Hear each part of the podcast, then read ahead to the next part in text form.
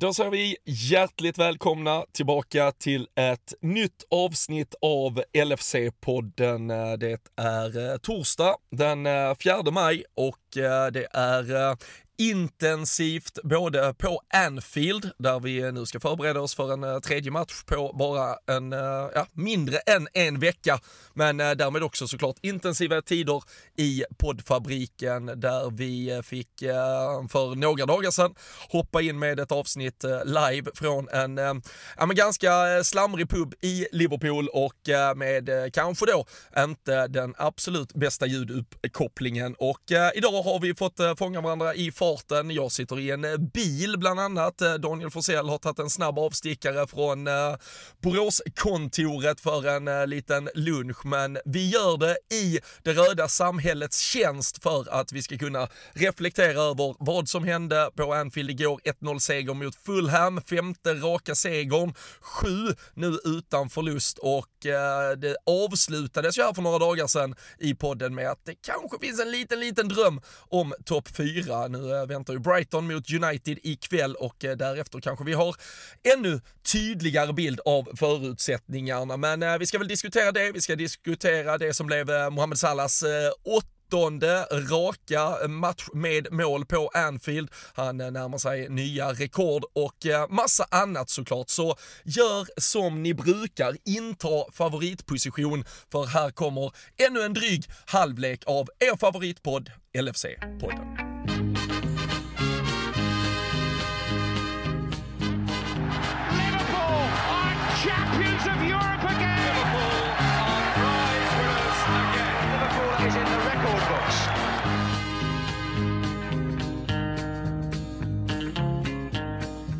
Ja det gör den och den paketeras som vanligt med röster från eh, mig, Robin Bylund, men framförallt också Daniel Forsell. Hur eh, fan är läget med dig? Efter att vi är på winning streak, kan du ta in det? Nej men det känns ju eh, det är lite som vi, jag tror att vi pratade om senast Det känns ju lite så här, ah, fan nu, nu passar det liksom nu, nu är det dags att komma igång med fem raka och Ha lite den här typen av segrar Alltså jag menar nu nu är det väl en match i sig som vi tycker jag förtjänar att vinna. Vi släpper ju till en del lägen med Men det blir ändå så här okej okay, 1-0 och på straff och det är Salah som avgör. Det är lite den typen av segrar man gärna hade legat lite längre upp och liksom gnetat eh, till sig men Nej, som du var inne på eh, med, med lite öl i blodet och eh, härifrån öarna. Om du nu har samma känsla när du har kommit hem med och solen Jag minns skiner, inget så... av vad jag sa i senaste avsnittet. minns inte, minns inte ens att vi... Just... Inte detta första avsnittet i veckan. Du minns, du kommer väl ihåg att jag sa att vi, vi spelade in på Popworld 04.30?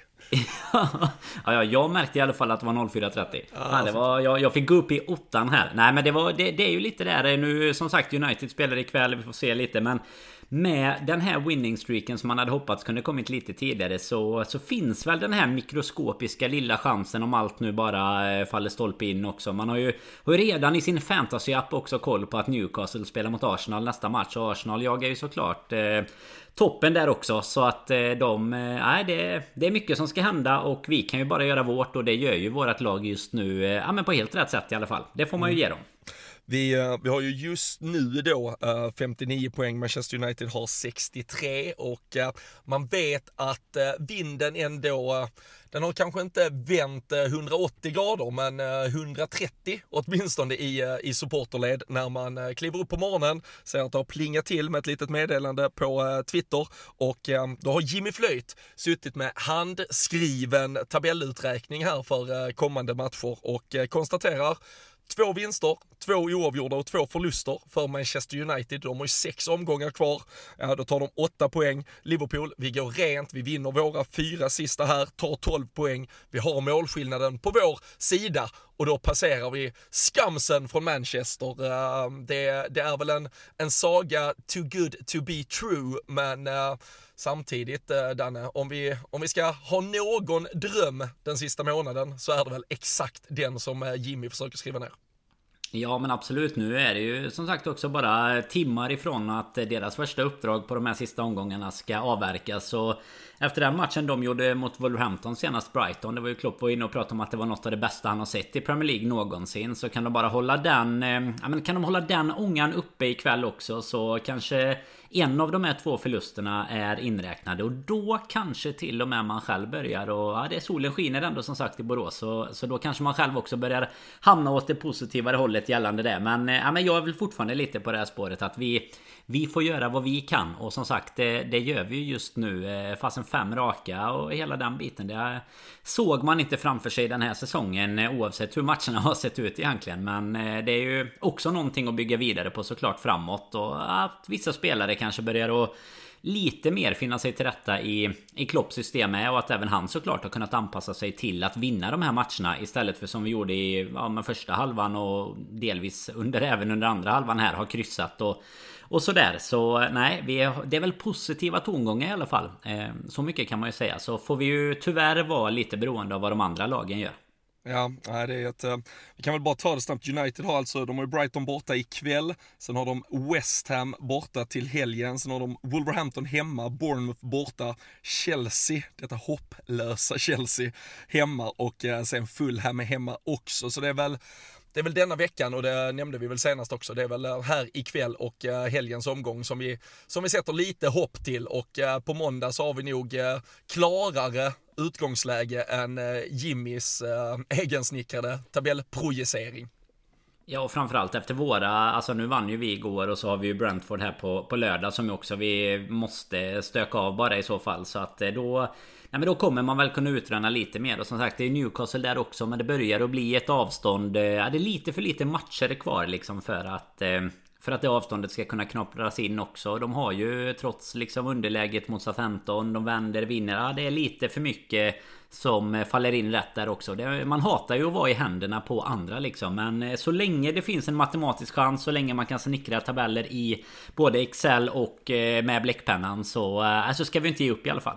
Nej, nej, men så är det. Och eh, anledningen till att eh, inte ge upp då helt, det, det stavas ju såklart eh, Mohamed Salah och eh, iskyla igen från eh, straffpunkten samma mål, samma läktare och eh, ja, i stort sett i exakt samma jävla nätmaska egentligen. Eh, Fraser Forster eh, stod stor i det där målet mot Tottenham här senast men föll åt en sida och så dunkade Salladen rätt upp i nättaket. Han gjorde inga ändringar egentligen i någonting när han dammade upp den lika säkert och nu visserligen hade han ju då brutit straffförbannelsen men jag minns trots då att vi spelade in från Popworld 04.30 att du frågar mig Danne ifall Salah hade tagit straffen även om det var lika läge eller ett underläge eller liksom ännu tajtare i matchen och sådär. Nu, nu hade vi ju 0-0, nu hade han ju som sagt satt den mot Spurs. Men eh, han klev fram igen, dunkade dit den och eh, som sagt här inledningsvis, eh, nya rekord i, det var väl, han var väl blott den tredje Liverpool-spelaren någonsin i att göra mål i åtta raka hemmamatcher. Han närmar sig eh, Steven Gerrard genom alla tider. Han är ett mål om man sätter det mot Brentford till exempel ifrån att nå 100 Anfield-mål och så vidare. 40 goal involvements nu här, 29 eh, mål plus 11 assist under säsongen. Det, mm. ja, var, eh, vi, vi, har börjat någonstans vet jag, men var ska vi sluta med denna jävla Mohamed Salah? Nej alltså det jag är mest förvånad över är fan att det finns rekord kvar att slå nästan. Nu, nu var det ju tyvärr en Håland som slog... Han... Ja, Salah hade ju slått rekordet för 38 ligomgångar tidigare och nu slog ju Håland det för eh, även de som har varit eh, med fler matcher innan eh, vad gäller gjorda Premier League mål. Men alltså det som det som Salah gör även under en säsong som vi då ändå med våra förutsättningar i alla fall och vilka förhoppningar man gick in med får se som eh, ja, men lite halvtaskig eller medioker eller halv halv okej som max egentligen så, eh, så att han bara fortsätter att leverera. Jag såg även den absolut viktiga, viktigaste statsen från igår är att han även är uppe på över 200 poäng i fantasyn för sjätte året på rad. Det är också, också en kille, något eh, på tal om triple captain och sånt som han hade denna veckan. Eh, någonting han kan eh, bygga vidare på. Men jag vet inte, alltså som du säger, vart ska man sluta? Hur många rekord ska han... Men ska han egentligen hinna med att ta? Och jag menar skulle det nu vara så att vi kan förvänta oss att det kanske... Nu startar ju Darwin igår men är det... Gakpo eller Darwin där då till syvende och sist framöver och en Diaz på vänsterkanten och en Sala på högerkanten. Och att vi faktiskt börjar få lite straffar igen dessutom så eh, nej då är det fler rekord som kommer att få eh, få ryka längs den här vägen. För att det finns ju Det finns ju många säsonger kvar som det känns som i alla fall i den kroppen. Det, det är ju ingen liksom stagnation sett i hans spel eller sådär utan det har ju snarare varit att vi som, som lag har knackat lite. Och det, då blir det ju naturligt att han också gör det Även om man då ser på de siffrorna du säger att Enligt statistiken så gör han ju inte det. Och eh, Fy fasen, det är ju Det är ju hellre den statistiken än att man sitter med massa XG och sånt här och, och känner att han kunde ha gjort 40 liksom, ja, varit involverad i 40 mål. Men Salah är ju faktiskt det. Oavsett hur de eh, görs så nej det är eh, jag vet inte vad man, vilka nej, det... hattar som är kvar att lyfta på liksom. Det finns ju inte, det finns ju inga egentligen. Och som du nämnde är han ett mål kvar va, till Gerard. Och, och tittar man på matcherna då Nu är ju Gerard från en helt annan position såklart. Men tittar du på, på de spelarna han redan har passerat Robbie Fowler och sådär Han har ju gjort det på liksom matcher Han har gjort 100 matcher färre 200 matcher färre än vissa. Ja. Alltså Det är ju också med siffror om du skulle dra ner det i eh, Ja men i, om man ska dra ner det hur ofta han gör mål i sett i minuter och sådär Så är han ju redan på en helt egen nivå. Så att eh, nej det är eh, vi, får byta ut hattarna och så lyfter vi hjälmar och andra eventuella huvudföremål som man kan ha för honom helt enkelt. Vi, vi lyfter samma guldhattar som jag såg att Kalle Sundqvist la upp att Söderhamns pingislag hade på sig. Vi gratulerar! SM-guld gratulerar vi såklart. Eh, Kul för Kalle också med lite framgång här nu efter Brynäs och tuff säsong för Liverpool och så har ju även FC Lokala i fantasy åkt ner från första platsen här nu i, i helgen, eller i veckan. Så att ja, det, är, det är tuffa, det är ett, tuffa det är tider. Så skönt med ett SM-guld i, i pingisen som är det viktigaste för honom såklart.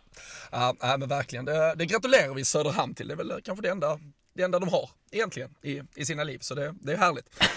Men äh, att äh, Mohamed Salah då dunkar dit en straff, äh, trots då tidigare två missar, kanske inte är det mest uppseendeväckande kring den situationen eh, utan eh, det som, eh, och vi kan väl diskutera straffsituationen, men framförallt då att den blåses av Stuart Atwell. Jag tycker att man ska, för vi behöver inte fastna i det här, men jag tycker man ska söka upp Paul Tompkins, skriver alltid väldigt bra, mycket skriver han bakom betalvägg nu för tiden på någon sån här Substack-kanal, men han gjorde ett ja, men otroligt jävla eh, långt eh, svep kring eh, domarna och eh, de som eventuellt har någon BS mot Liverpool och såklart i eh, kölvattnet av Paul Tierney. Och det var ganska tydligt svart på vitt att man kan förstå eh, Jürgen Klopps eh, frustration mot Tierney när man eh, tittar på bevisföringen som finns. Men då nämnde han också att Stuart Atwell som då eh, skulle kliva in på Anfield igår också är eh, en av domarna och eh, jag vet ju, där finns i alla fall ögonblickssituationer. Jag vet det är någon straff som, är det Burnley som får en straff mot oss när Robertson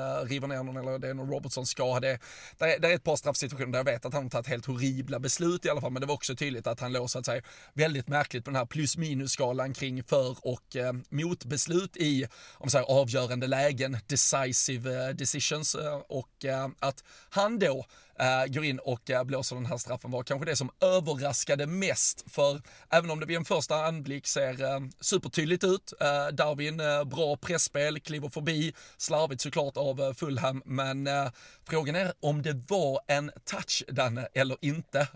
bra teatralic, eller vad säger man, teatri, ja, eh, teaterkunskaper annars från eh, Nunes. Ja men verkligen. Sen är det väl alltid det lite som vi pratade om det med stillbilder och sånt innan. Alltså jag menar du...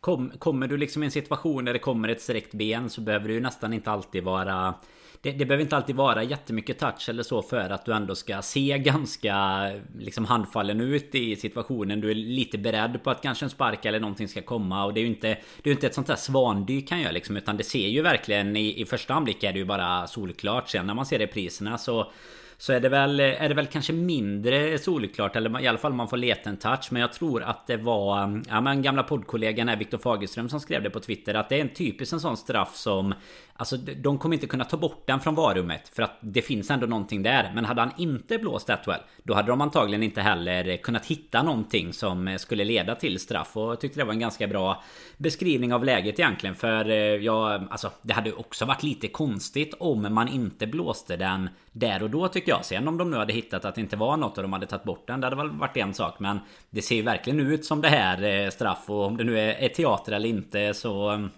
Så tycker jag verkligen att det... Man, man trodde inte att det skulle vara ens någon fråga om saken egentligen. Men jag tror inte det. Det ser inte ut som att det är någon touch i alla fall. Jag vet inte. Vad, vad tror du till syvende och sist? Nej, men det, alltså samtidigt som, som du säger, det, det, är, det är inget svandyk, så, så antingen är det ju väldigt, väldigt bra uh, te, teater av uh, Nunes, för det, det ser verkligen ut som att han faller som på det sättet man gör ifall han blir Precis lite träffad gjort, av ja. det där benet. Så, så jag tror också det är som, vi får ju två, tre vinklar, sen vevar de ju inte det mer, så det kan mycket väl vara att varummet hittar, hittar något litet, eller som du säger, det, det är i alla fall inte helt uppenbart, clear and obvious, att han inte träffar honom, vilket krävs när domaren då redan har tagit beslutet. Sen i alla fall på det vi såg så var det ju heller inte clear and obvious att han träffade. Så precis som uh, mm. både du och, och Viktor då refererar till så hade uh, Atwell inte dömt så, uh, så hade han nog inte kunnat få stöd eller hjälp av varummet heller. Men där, där är man ju, blir man också lite konspiratorisk. Tar han den nu för att uh, vara lite, ja men alltså safety first, hade det blivit för mycket diskussion ifall han hade undvikit den, ville han verkligen ta den?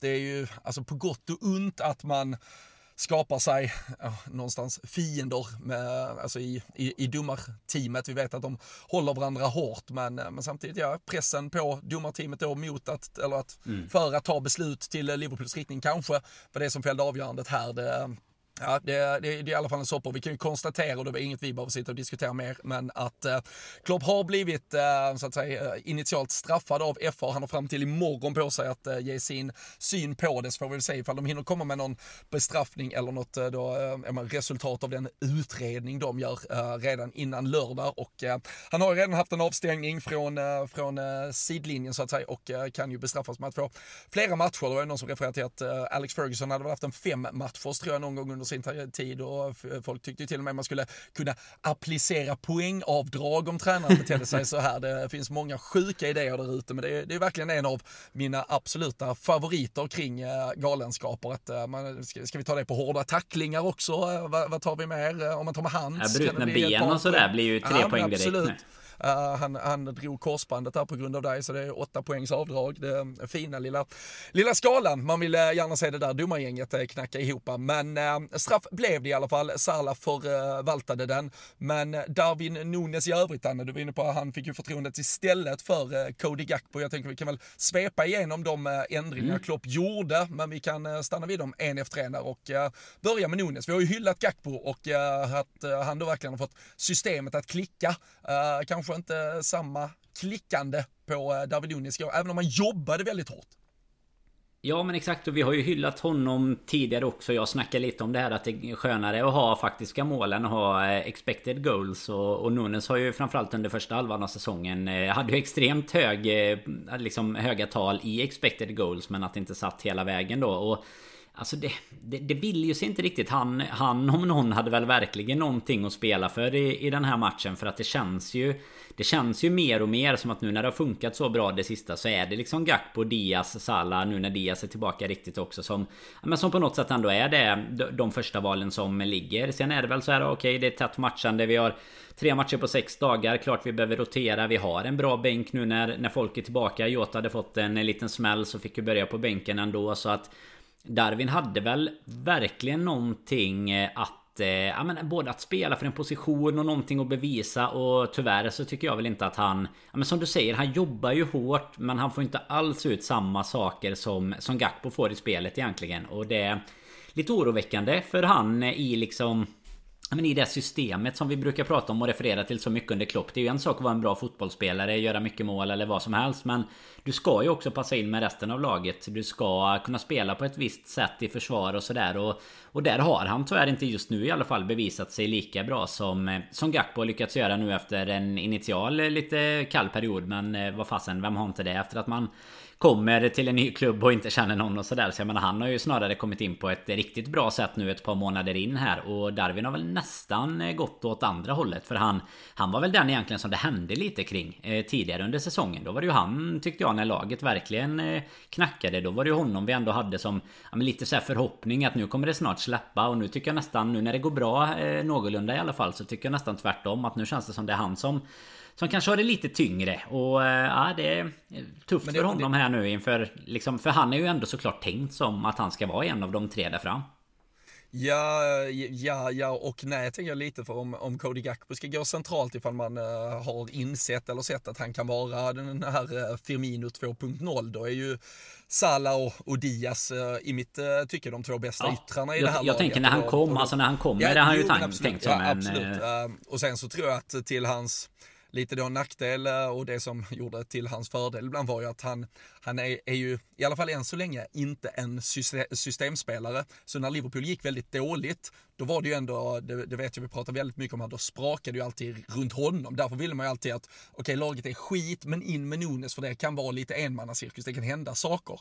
Men på samma sätt nu när saker och ting då börjar funka väldigt bra. När systemet verkligen klickar, när det är rätt löpningar som tas och rätt bollar som läggs i rätt ytor. Där märker man också samtidigt en liten ja, men ett utvecklingsområde i alla fall vad, tänk, alltså vad kommer till äh, fotbollsintelligensen. Det är ju ett par äh, gånger, äh, i alla fall en tydlig situation till exempel i andra halvlek där, där Trent driver in med bollen, äh, går centralt egentligen och man ser väldigt tydligt att det öppnas en lucka till höger där han vill lägga den till Nunes men där Nunes hänger med, typ Trent, in centralt mm. istället, typ blockerar Trent och sen får han bollen bakom sig för att han, han är inte helt hundra i hur han tar sina löpningar, hur han väger det mot vad, mot, eller vad sina medspelare är och, och vilken del i vårt äh, länkspel han kan vara. Så det, där finns lite att jobba på. Jag tror äh, när, när systemet klickar så, ja, då, eh, då, då klickar han lite ur för, för han är lite mm. mer av en ähm, enmanna-orkester. så det, det, det jo, finns Gakpo tvärtom just nu. Ja, exakt. Ja, Gakpo är ju tvärtom just nu. Han är ju verkligen, exakt, han passar in. Det är ju verkligen blivit, ja men lite som du nämner där, Firmino 2.0. Alltså han har verkligen kommit in i det här på helt rätt sätt nu från den centrala positionen. Så den... Eh,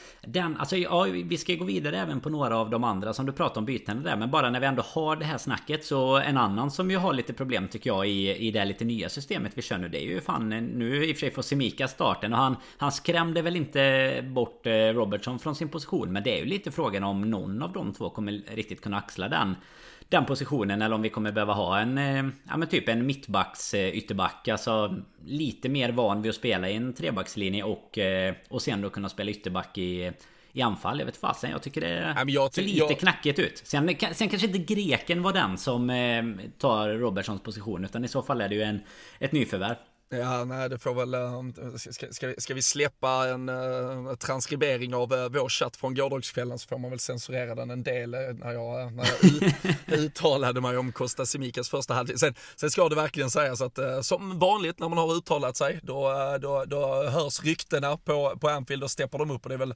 två gånger när Fulham faktiskt är lite på väg igenom som det är Simikas som tar sista löpningen och faktiskt avvärjer potentiella frilägen. Så det, det gjorde han bra med ett par screens, men, men innan dess var det ju ett par eh, bedrövliga ja, det beslut ju efter i, två minuter. Ja, men, ja, och i dels ett par i eget straffområde, sen ett par gånger på, på halva plan där han väljer en, någon form av stötbrytning vid något tillfälle där de jättelätt spelar in den bakom honom. Det är någon gång han ska bara spela några enkla 3, 4, 5 meters passningar som sätts i gapet på Fulham-spelare som skapar omställningar och det där, där kände man ju direkt och det, det, det, har vi väl konstaterat tillräckligt och nu var det ju den här typiska midweek-rotationen som antagligen eh, tvingar fram detta. Jag, jag tycker ju annars att Robertson är, är verkligen, alltså jag tycker han är tillräckligt bra, jag tycker han är tillräckligt bra för att spela i det det nya systemet också. Sen däremot måste ju folk då förstå att i så fall så kan vi inte nu, nu har ju både Trent Robertson åtta assist var den här säsongen, men det kan vi nog inte förvåna, eller förvänta oss att Robertson har nästa säsong om vi nu gör den här justeringen utan då ska det ju snarare kanske vara tre på Robertson och 10-12 på Trent. Mm. Då, då, får vi ju bara säkerställa att Robertson så att säga accepterar det och köper in sig på det. Men gör han det så tycker jag att han försvarsmässigt är tillräckligt bra för att även spela i det som under stunder blir en uh, trebackslinje när vi, uh, när vi ska uh, ställa om. Nej men som du säger, ingen av han och eh, Simikas i det offensiva spelet kommer ju runt på samma... Alltså Robertson har ju, eh, har ju fler touch i straffområdet i vissa matcher i det, i det gamla systemet om man säger så än vad vissa av våra mm, anfallare i, i tremananfallet har liksom. Så att det blir en helt annan typ av, eh, av av ansvarsfördelning på något sätt. Både på ytterbackarna men även på vad han... Att det blir mer försvarsinriktat för Robertson och det blir inte mer anfallsinriktat för Trent egentligen utan det blir mer kreativt inriktat. Alltså han har ju haft lika mycket anfallsinriktning som Robertson tidigare Men det är väl han som är kvar på den snarare. Men nej vi får hoppas det För jag, du, jag har en eh, grej till som jag måste ta upp här Innan vi går vidare på de andra bytena där. För att Såg eh, precis under tiden du pratade att eh, Atletic har skrivit eh, Vi pratade ju om det här med Atwell och straffarna. Du eh, refererar ju lite till om skulle det vara straff eller tar de dem nu bara för att eh, Ja att de måste när Klopp har varit ute. Men tydligen har eh, Tom Kearney, han är ju Fulham-kapten Varit eh, ute efter matchen nu och snackat om att Atwell har sagt till en av Fulham-spelarna under andra halvlek att det inte var straff. Utan att eh, de har sagt typ så här eh, Make sure you check it när, eh, när straffen är Men att sen eh, att han säger att eh, de hade kollat Men att eh, han under andra halvlek säger att det tydligen inte skulle vara straff för att de har tittat på det under halvleken typ Riktigt sjukt i så fall om de ska vara så fram och tillbaka Eller vill han bara vara polare med Fulham-gubbarna? Vad, vad kan man ha för liten konspirationsteori där? Nej men den är, jag har ingen aning. Det, det är full, alltså, han blir väl inte polare med någon ifall han erkänner att Nej, vi har kollat det. Skulle inte varit. Men jag, nu kan jag ju inte göra något. Uh, och samtidigt som, som Liverpool-supporter eller som Liverpool-spelare hade man ju blivit asförbannad om de någonstans erkänner mig. För det blir ju också 25 minuter av uh, full, alltså, fullt rimlig påverkansprocess från Fulham-spelarna där de vill att det ska kompenseras såklart. Att direkt de får en touch i straffområdet så, så borde de ju få sin straff. Så uh, det, det nej, låter uh, bisarrt. Den men, kom här 12.15 eh, så att den kom mitt under. Vi sitter ju här som sagt lunchtid ungefär och spelar in. Så att vi får väl, uh, vi får väl se vad som händer med det där. Men det är Karen som har sagt och ändå Atletic som skriver om det. Så det känns ju ändå som att det är... Ja, det, det, är ju inge, inte en dålig källa i vissa fall i alla fall. Men han var i alla fall ledsen över att förlora för en, på en straff som inte skulle varit en straff helt enkelt. Det är ju... Det är conclusion sen. Men nej, riktigt, riktigt sjuk grej att få upp här under tiden det kan ju omöjligt heller stämma att, eh, att domarna liksom går runt, går runt på planen och bara nej men alltså det var nog inte straff. Nej, du vet, alltså, vi, vi, hade, vi hade ju först ett par minuter varcheck där vi kunde kontrollera det men där, där han, alltså vi pallade inte kontrollera det. Så vi, vi kollade sen i omklädningsrummet och nej, det var fel. Det var fel. Ja, men, typ, men typ om det är lite som vi pratade om att det är så här. Den är inte clear and obvious så vi kan inte ta bort den. Men den är ändå så här, ah, men den kanske inte skulle varit. Nej, det är ju också jobbigt att han har sådana samtal mitt under matchen som du säger. Det, det, finns ju alltid en risk att det ska kompenseras något och nu gjordes ju inte det som tur var i alla fall. Men nej, vi får väl återvända till våran, eh, våran uppställning där. Det var ett instick jag kände att jag var tvungen att ta här när jag såg det mitt under inspelningen. Ja, nej, det, vi, eh, vi får se och eh, vi, eh, vi återkommer. Det blir poängavdrag på den också.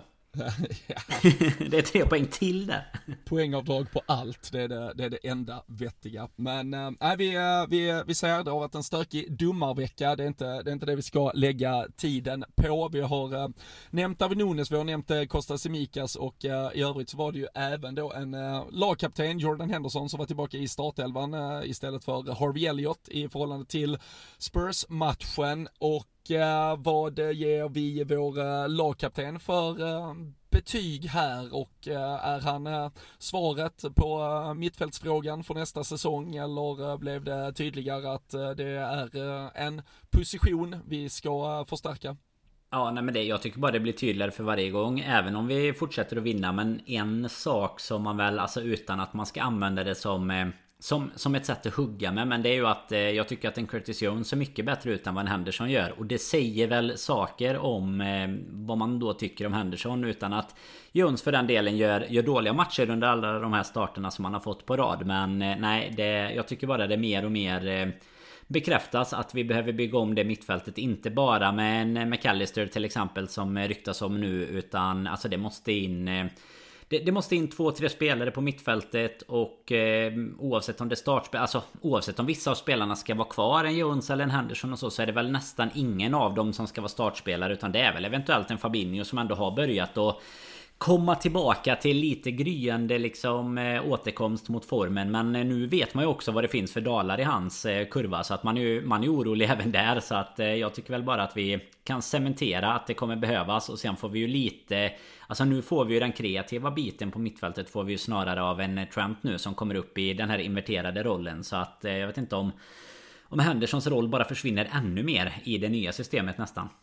Ja, jag vet, jag vet inte eh, om det, var, om det var Henderson eller eh, Niklas Holmgren till slut som var mest sugen på att Henderson skulle göra ett mål igår. Jag tror han sa, eh, Holmgren sa vid fem timmar. Åh, vad Henderson är sugen på säsongens första mål! Ja, det var han ju, det var han ju i alla fall. För att han sköt han. ju nu, han, han, bollarna landar ju lite härstans på Anfields läktare. Men han, var, han sköt mer än han brukar i alla fall.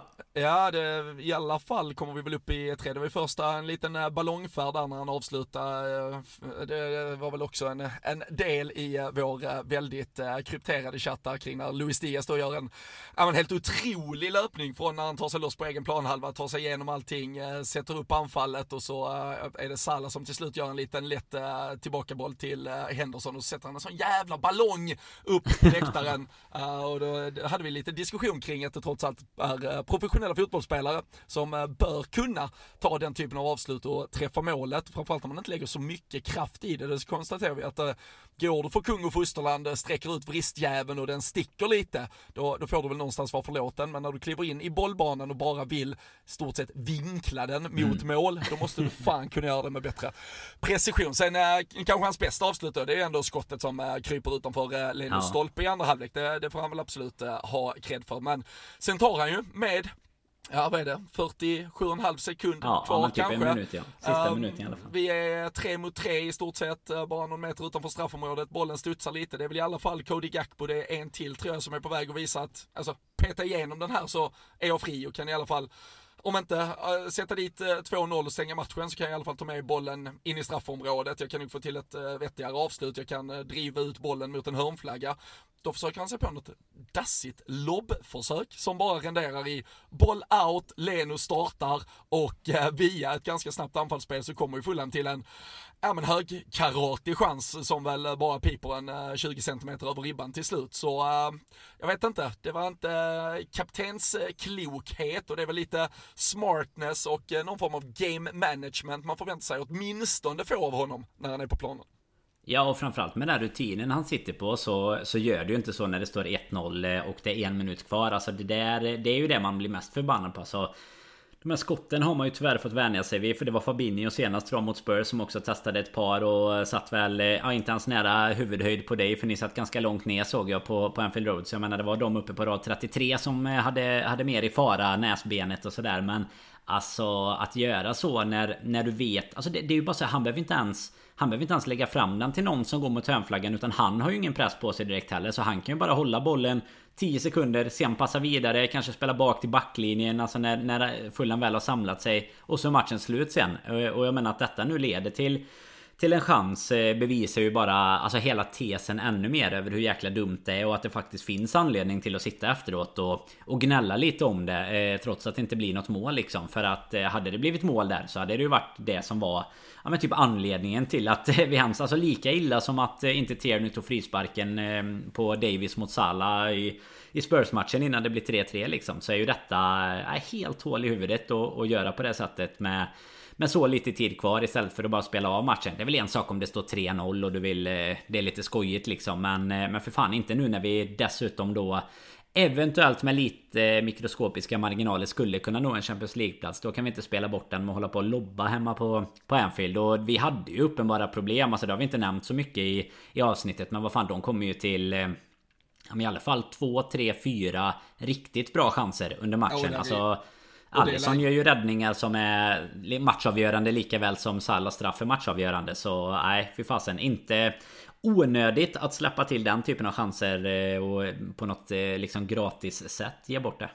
Nej, det, det, man, man, noterar ju att det var Salah och Alisson som till slut var man of the match när man uh, tittar på fantasy-kontot och så att båda hade fått tre bonuspoäng delade på toppnoteringen där. Så det trillar in mycket poäng i uh, sektlaget. Det, det uppskattar vi när uh, de är så uh, givmilda. Men, uh, men annars tyckte väl jag vi kan avsluta och snacka lite Trent alldeles strax. Jag tycker han var ändå bäst av dem alla. Men just på Alissons ena räddning där när William eh, kommer runt på kanten, eh, hittar Vinicius och eh, han dunkar dit den. Så, så är det ju också en, ja, det är en häpnadsväckande dålig till, alltså hemåtlöpning av Henderson i att förhindra att den situationen uppstår också. Den har cirkulerat på Twitter. Jag typ, liksom, jag vill inte fastna i att man är kritisk, men det, det, är så tydligt att just de här sakerna, han verkligen, vi, vi har ju aldrig suttit och, och hyllat en eh, stor eh, tekniker eller eh, kreatör eller eh, något annat i, i form av Jordan Henderson, men han har ju någonstans under i alla fall 3, 4, 5 säsonger när Liverpool har varit som bäst under Jörgen Klopp eh, verkligen förtjänat sin plats för att han har stått för så mycket annat. Han har stått för löpviljan, han har stått för lugnet när det har behövts och energin när det har behövts och, och alla det, och det, att det är just de delarna nu som så tydligt i många matcher försvinner när så ganska många andra spelare var, som inte har det som någon form av adelsmärke och signum visar det på ett helt annat sätt, visar ett hårdare jobb i hemlöpet, visar en tydligare smartness i hur vi ska spela av en match och så vidare. Det, det, det är lite, lite jobbigt att uh, se och uh, jag, jag, tycker det blir uh, väldigt, väldigt tydligt att han, han inte kommer att vara en startspelare för Liverpool nästa säsong. Men en som kommer att vara det den och som kommer att vara det i en ny position eller då åtminstone en nyfunnen roll. Det måste ju verkligen vara Trent Alexander. Hans första halvlek framförallt är ju bland mm. det värsta man sett och kanske hans typ bästa i Liverpool tror jag. Och nu det var någon som skrev, vi eh, väntade på Jude Bellingham i två år när vi hade Trent Alexander-Arnold stående nere på högerbacksplatsen hela tiden och eh, i dagar då Jude Bellingham verkar bli helt klar för Real Madrid så eh, är det väl bara att eh, skratta hela vägen till banken för FSG över att eh, Trent Alexander-Arnold verkar kunna fylla kreatörsrollen på det där mittfältet.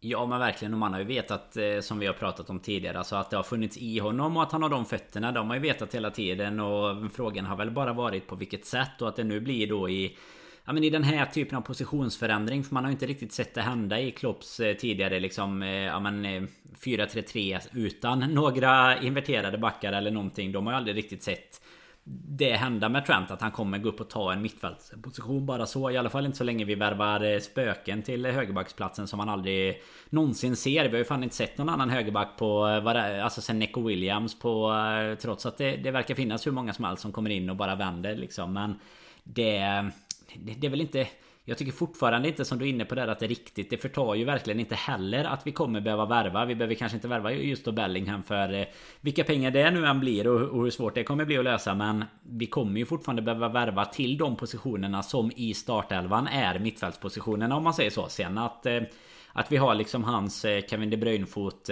bakåt och i, i anfallsspelet om man säger så. Det kommer ju dessutom bara få göra att vi kommer behöva bli kompaktare i försvaret. För jag tycker fortfarande om man vänder in det är fortfarande det här systemförändringen som ofta är problemet när vi kommer till vilka lägen vi släpper till. Men det är ju inte hans fel längre om man säger så. Om man nu ville klaga på hans försvarsspel innan så är det inte hans problem nu. Utan det är de som inte täcker upp bakom. Det är backlinjen eventuellt som inte är samspelta eller så är det de andra mittfältarna som ska ta ansvar. För han har ju egentligen en offensiv roll. Så fort vi har bollen i alla fall så ska ju han framåt liksom. Och i, som du nämner framförallt i första halvlek. Både på sättet tycker jag han driver upp bollen, hur han fyller på, hur han liksom levererar boll efter boll. Du har assisten när du var över och kikade till Jones där när han bara hittade en macka på foten.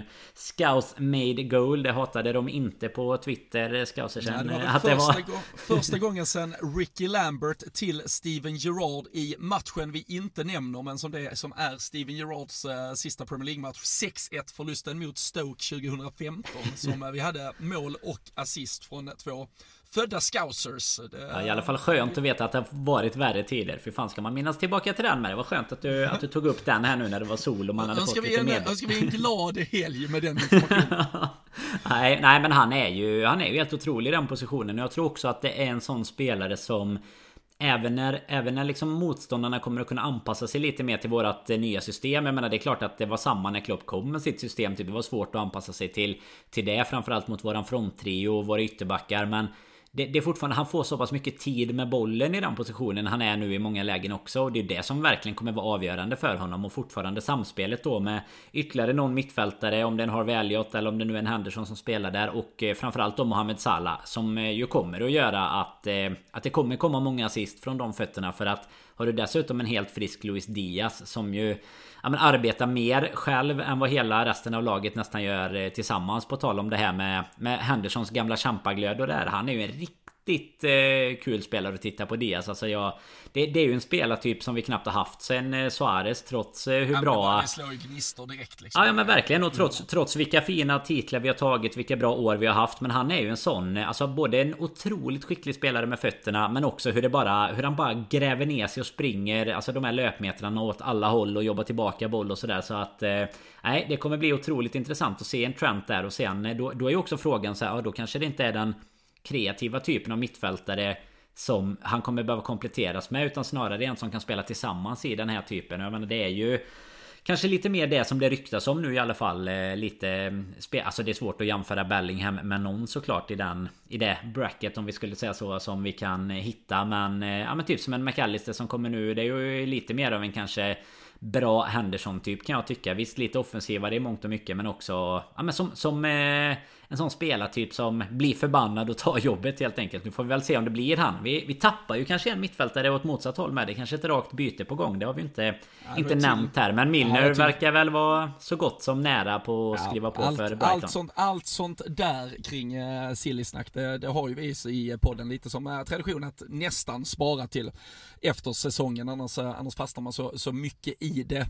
Ja. Men, eh, men precis som du säger, det, det uppges väl att eh, Milner, eh, han har väl hört hur väl De Serbi tar hand om gamlingar som Adam Lallana där nere på sydkusten och kanske har något lite så här, ja men du vet, här i Malmö har vi Victoria Park, det är lite så här pensionärsboende där man får lite extra, man har lite extra gött helt enkelt. Det är kanske något sånt som De Serbi har upprättat nere, på, nere i Brighton som, som får Milner att känna att dit vill jag, Alexis McAllister kanske då andra vägen och sen, sen kommer ju däremot då, läste jag lilla ryktet ryktet också kring att äh, även äh, Brighton skulle bli intresserad av Fabio Carvalho och det är ju första veckaklockan på att han måste vi behålla med alla jävla tillbudstående ja. medel för vill Brighton ha en 19-åring då vet man att han kommer vara bäst i världen om ett halvår så håll hårt i honom.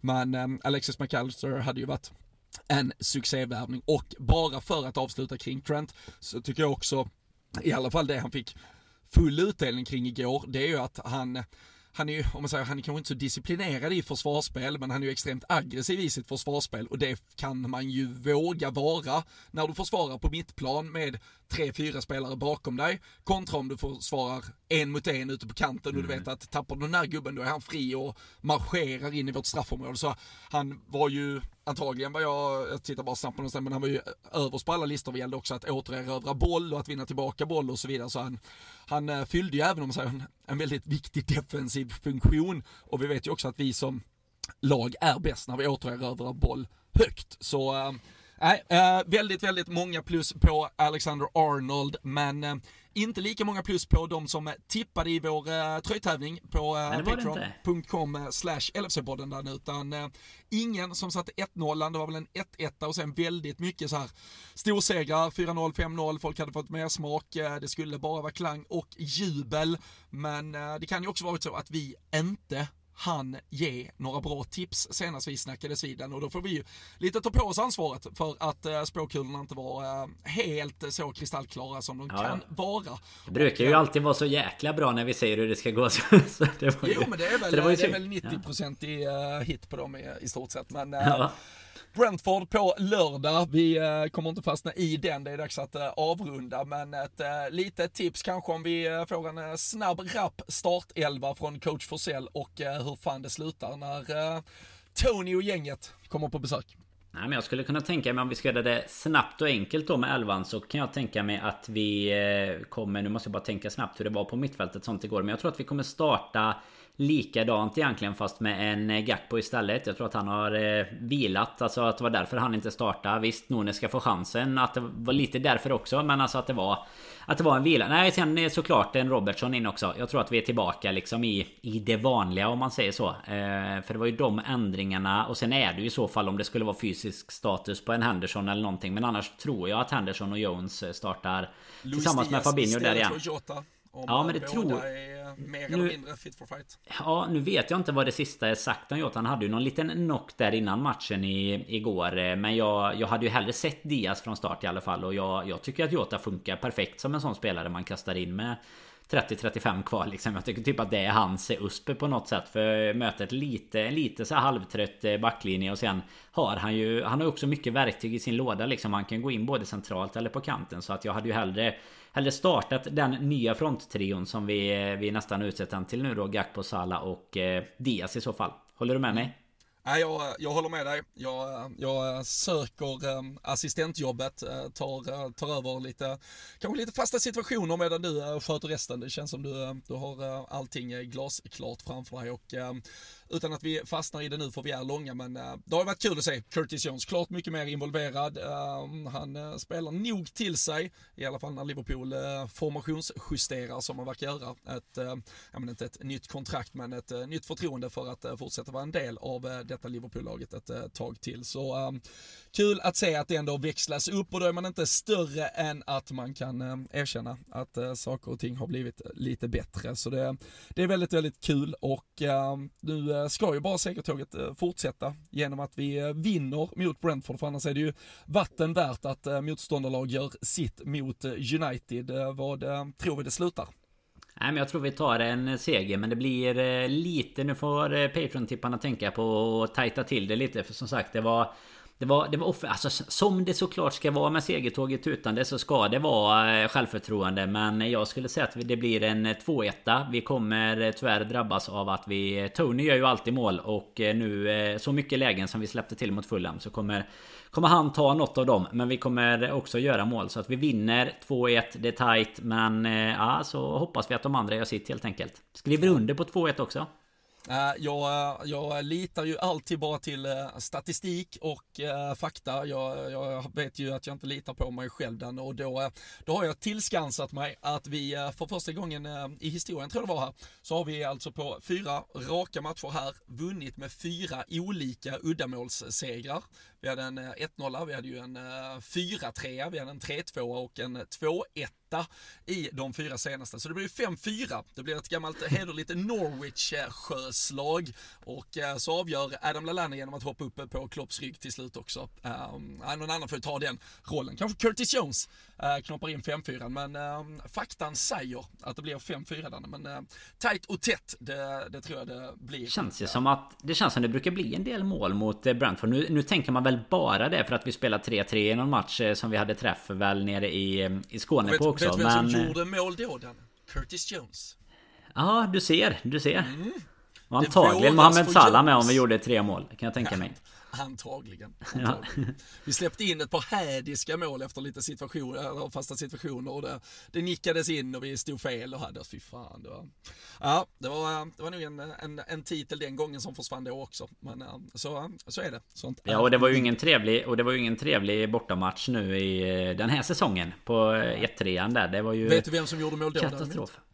Eh, nej, vem fan gjorde mål då? Kan Oxlade. det varit... Eh, ja, just det, just det. Jag tänkte att det var, det var då när han var, när han fick en liten... Eh, ja, i sin prime. Han, han har försvunnit sen igen. Ja, det är han och Thiago som ligger och opererar höfterna istället. Han har, ja. Han har nej. inte varit med i eh, någonting nästan sen dess tänkte jag säga. Nej, han har väl små, Måste det väl vara? Han, det var väl ganska nyligen han blev pappa också. Han har ju kids där hemma. Han, han är föräldraledig. Ja, han är helt rätt i och för sig. Det, det unnar vi oxen. Det unnar vi oxen och eh, med det så stänger vi ner ännu ett avsnitt av LFC-podden. En eh, ny härlig halvlek är serverad och eh, vi hörs ju såklart igen efter att vi har tagit oss an Brentford. Vi hoppas att Brighton trots allt vinner. De måste ju samtidigt de också börja tappa poäng sen. Men Mute mot United här, vi, vi har en jävla kamp vi ska gå om den där fjärde platsen i alla fall. Vi hoppas det lever lite till. Det hade varit jävligt kul och kul är det också att ni är med oss. Gillar ni det vi gör så går ni in på LFC-podden Eh, eller på patreon.com slash LFC-podden så eh, kan ni dels vara med alla våra tipstävlingar. Det är upploppsraka här nu för fantasy-tävlingarna. Det kommer såklart komma nya ligor under sommaren och annat kul och eh, ja, men massa annat och så är ni med och stöttar poddens fortsatta arbete. Så in där och kika. Tusen tack för att ni lyssnar. Sprid ordet om LFC-podden så hörs vi och ses vi snart igen.